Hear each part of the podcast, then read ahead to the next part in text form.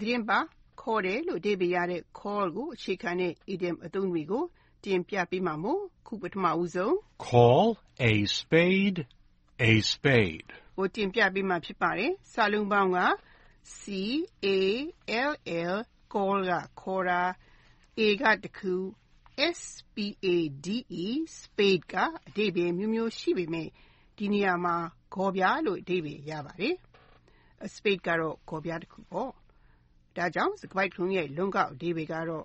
ဂေါ်ပြားကို ဂေါ်ပြားလို့ ခေါ်ဖို့ ဖြစ်ပါတယ်လို့အဓိပ္ပာယ်ရပါတယ်။ဒီအသုံးက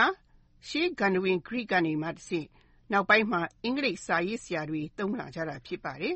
။ဂေါ်ပြားကို ဂေါ်ပြားရယ်လို့ ရှင်းရှင်းလင်းလင်းခေါ်ဖို့ ပြောထားတာမို့ idiom ဆိုတဲ့ သွယ်ဝိုက်အဓိပ္ပာယ်ကလည်း အရှိကိုအရှိတိုင်း ပြောဖို့ခေါ်ဖို့ ဖြစ်ပါတယ်။တခါတရံ လူ့အဖွဲ့အစည်းကြား အရှိကိုအရှိတိုင်း ဝင်ဝင်ပြောမိရင်ရိုင်းရာကြမှာ အားနာရာကြမှာမို့သူများမကြိုက်မှာဆိုးလို့စိတ်ဆိုးမှာဆိုးလို့ကြားကောင်းအောင်ကြည်ပြောကြရတဲ့အခါတွေလည်းရှိပါတယ်။တချို့အသုံးနှုန်းကြတော့တဲ့တဲ့ပြောရင်ရင်တိရရောက်တော့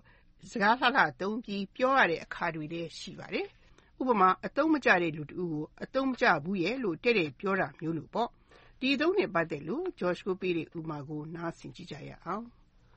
Let me call a spade a spade. You're hopeless in everything you do. ။ပွင့်ပွင့်လင်းလင်းပဲအရှိကိုအရှိတိုင်းပြောပြစေ။ခင်များဟာဘယ်နေရာမှာမှသုံးမရတဲ့လူဖြစ်တယ်လို့အဓိပ္ပာယ်ရပါတယ်။ဥပမာကိုနောက်တစ်ခေါက်နားဆင်ကြည့်ကြရအောင်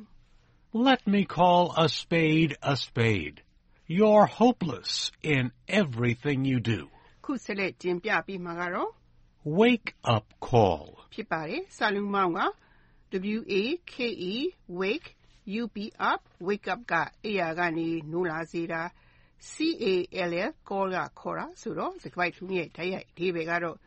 အိယာကနေနိုးလာအောင်ခေါ်တာပေါ့။ဒီအသုံးကတော့ဟိုတယ်တွေမှာသွားတည့်တဲ့အခါမနေ့စောစောကိုယ့်ကိုနှိုးဖို့လိုတယ်ဆိုရင်ကောင်တာမှာတာဝန်ကျနေတဲ့ဝန်ထမ်းကိုဘယ်ချိန်မှတယ်လီဖုန်းဆက်ပြီးနှိုးဖို့မေတ္တာရပ်ခံတဲ့အလေးကနေဆင်းသက်လာတာဖြစ်ပါတယ်။ဒါကတော့ဓာတ်ရိုက်အဓိပ္ပာယ်ပေါ့။ သွယ်ဝိုက်အဓိပ္ပာယ်ကတော့ အခြေအနေတစ်ခုခုအကြောင်းနဲ့ ပတ်သက်လို့ ဒီအတိုင်းကြည့်နေလို့တော့ မဖြစ်ချေဘူး။တစ်ခုခုလုပ်တော့မှ ဖြစ်မယ်ဆိုတဲ့အတိတရားဝင်စေတဲ့ ဖြစ်ရပ်တစ်ခုကို ဆိုလိုတာ ဖြစ်ပါတယ်။တနည်းတော့ အခြေအနေအကြောင်း မျက်စိပွင့်နားလေသဘောပေါက်သွားစေတာ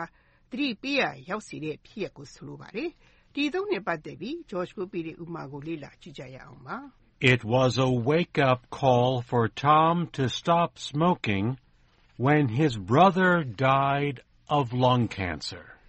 သူ့နီးအဆုတ်ကင်ဆာနဲ့ဆုံးသွားတော့တော်မအနေနဲ့စိတ်ရိပ်မဖြတ်ရင်မဖြစ်တော့ဘူးဆိုတဲ့အတိတရားကိုဝင်လာစေတယ်လို့အဓိပ္ပာယ်ရပါတယ်။ George ကိုပေးတဲ့ဥပမာကိုနောက်တစ်ခေါက်လေ့လာကြည့်ကြရအောင်ပါ။ It was a wake-up call for Tom to stop smoking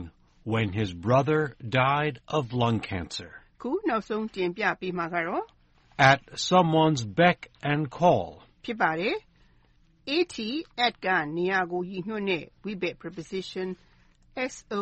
m e o n e apostrophe s someone's ကလူတစ်ဦးတစ်ယောက်ရဲ့ b e c k beck ကခေါင်းညိတ်ခေါ်တာ လက်ရခေါ်တာ a n d n က နှင်း c a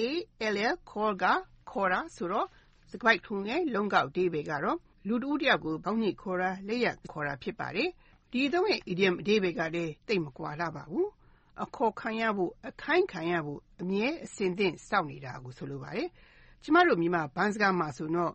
လူတစ်ဦးကထိုင်ဆိုထိုင်ထဆိုထအခိုင်းခံနေရတဲ့အနေအထားမျိုးကိုဆိုလိုတာဖြစ်ပါတယ်။တနည်းတော့လူတစ်ဦးရဲ့ခိုင်းဘတ်ဖြစ်တာခိုင်းလို့ကောင်းတဲ့လူမျိုးခိုင်းလိုက်ရင်အမြဲအစဉ်သင့်ရှိတာမျိုးစေလိုရာစေဆိုတဲ့လူမျိုးလို့ပေါ့။ဒီအသုံးနဲ့ပတ်သက်လို့ George ကိုပေးတဲ့ဥပမာကိုလေ့လာကြည့်ကြရအောင်ပါ။ The poor guy is at the beck and call of that pretty girl. သနာစရာကောင်းတဲ့အဲ့ဒီလူပါပဲ။ဟိုမိန်းမချောလေးရဲ့ခိုင်းဘတ်ဖြစ်နေတယ်လို့အဓိပ္ပာယ်ရပါတယ်။ဥပမာကိုနောက်တစ်ခေါက်လေ့လာကြည့်ကြရအောင်ပါ။ The poor guy is at the beck and call of that pretty girl. ဒီသတင်းပါ call ကိုအခြေခံပြီးတင်ပြခဲ့တဲ့ idiom အသုံးတွေကတော့ Call a spade a spade. Wake up call. At someone's beck and call.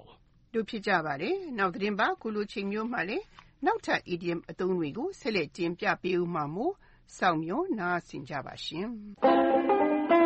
။